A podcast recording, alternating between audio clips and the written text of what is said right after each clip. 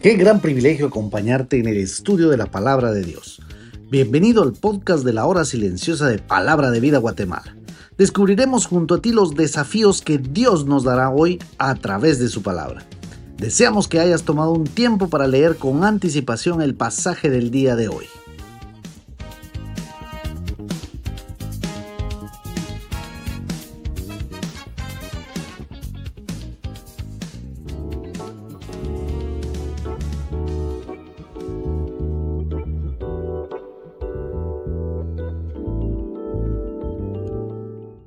Qué bueno poder estar en el comentario de la hora silenciosa. Te saluda Oscar Fuentes nuevamente del Ministerio de Palabra de Vida aquí en Guatemala. Hoy estaremos en Marcos capítulo 14 del 12 al 21. Un escritor dijo, Dios no nos ama porque seamos buenos, Él nos hace buenos porque nos ama. Una de las cosas que realmente podemos ver en este capítulo eh, que es muy emocionante es el hecho de que Jesús está preparando todo para su muerte y para su resurrección. Vemos cómo un Judas iba a traicionarlo en gran manera y entonces empieza el verso 12 con algo que era de costumbre para los judíos, fiesta de los panes sin levadura. Justo estaba por llegar el Cordero Pascual y que iba a ser tan significativo para todo el mundo en el futuro, pero sin duda alguna amargo para el presente. Dice la palabra de Dios, el primer día de la fiesta de los panes sin levadura, cuando sacrificaban el cordero de la Pascua, sus discípulos dijeron, ¿dónde quieres que vayamos a preparar para que comas la Pascua? Y envió dos de sus discípulos y les dijo, id a la ciudad y os saldrá al encuentro un hombre que lleva un cántaro de agua, seguidle. Y donde entrare, decir al señor de la casa, el maestro dice, ¿dónde está el aposento donde he de comer la Pascua con mis discípulos?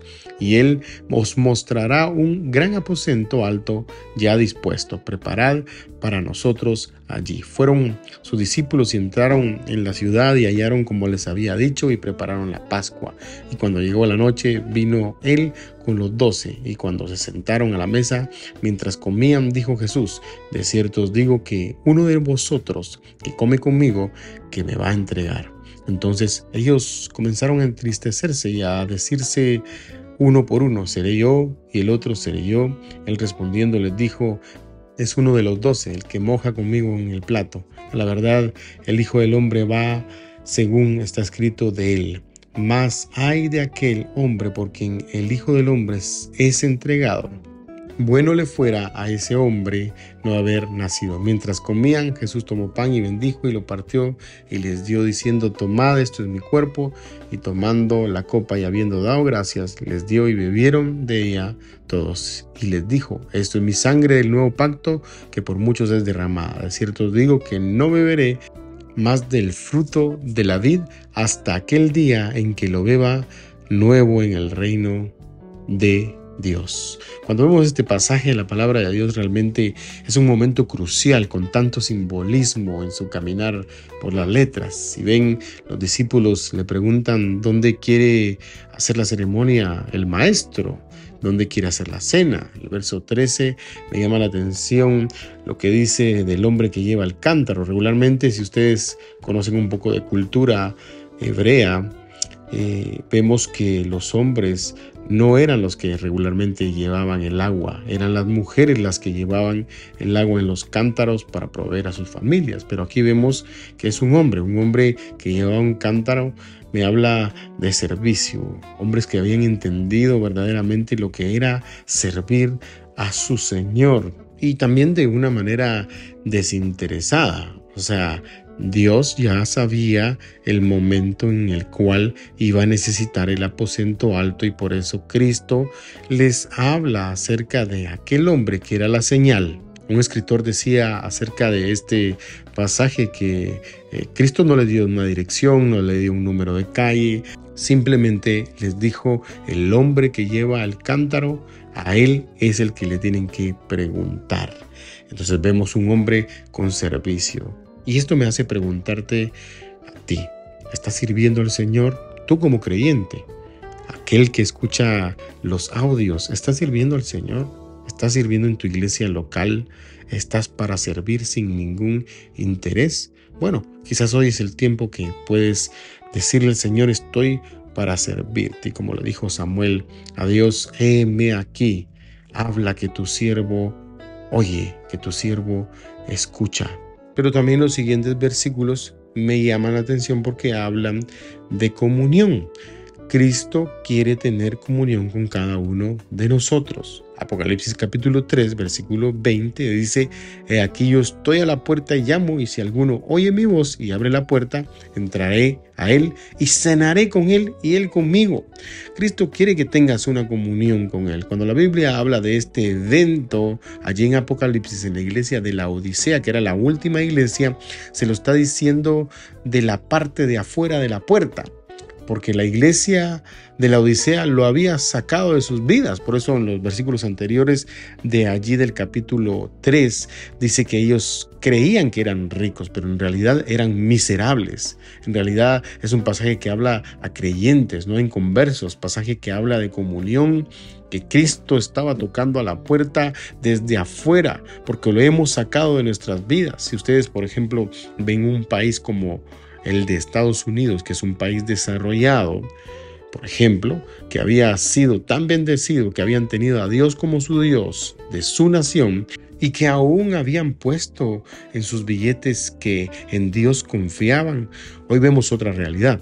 La realidad es que lo sacaron de sus vidas, de sus escuelas, de sus familias y por eso vemos el decaimiento de una gran nación. ¿Por qué? Porque Cristo está afuera tocando a la puerta de ese país. Y lo mismo con Guatemala podríamos decirlo un país tan bendecido, un país tan rico. Y las estadísticas dicen que lleno de muchos cristianos. Yo creo que esas estadísticas están mintiendo. Creo que hay muchos fanáticos, como nos dicen a veces. Creo que hay muchos que calientan bancas. Pero también creo que hay muchos que han sacado a Cristo de su vida. Qué tremendo pensar que ya Cristo había preparado lugar para la comunión y eso me habla de que Cristo ya tiene un plan para nuestra vida, ya preparó lugar para nosotros porque dice el verso 15 que mostraría un aposento alto. En el verso 16 dice que fueron ya al lugar, no cabe duda que Él empezó en nosotros la buena obra y dice la palabra de Dios que la perfeccionará hasta el día de Jesucristo. Gloria a Dios por eso. Luego en los siguientes versículos, como vemos que Dios tiene un plan para nuestra vida, también Él sabe las de nuestro corazón, porque habla de Judas, del famoso Judas, del que había estado con Él tanto tiempo, pero que no aprendió nada. La Biblia dice, bueno le fuera a ese hombre no haber nacido. Qué triste que muchos que están adentro del barco terminan de esa manera ahorcando sus convicciones, ahorcando el tiempo invertido de personas, ahorcando lo que hubiese sido un buen camino. Por eso vívelo. La invitación sigue vigente para los hijos de Dios. Del verso 22 al 25 dice que Jesús tomó el pan y, y, comió y bebió y tuvo comunión con ellos. La invitación sigue abierta para aquellos que han dejado afuera a Jesucristo. La invitación sigue abierta para tener una comunión con Cristo cada día. Que el soberano Dios bendiga tu vida grandemente.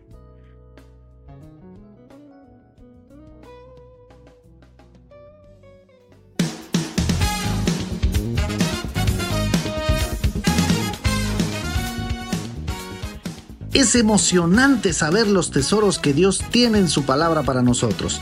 Ayuda a tus amigos a que descubran la voluntad de Dios para su vida. Comparte este podcast con ellos. No olvides seguirnos en nuestras redes sociales.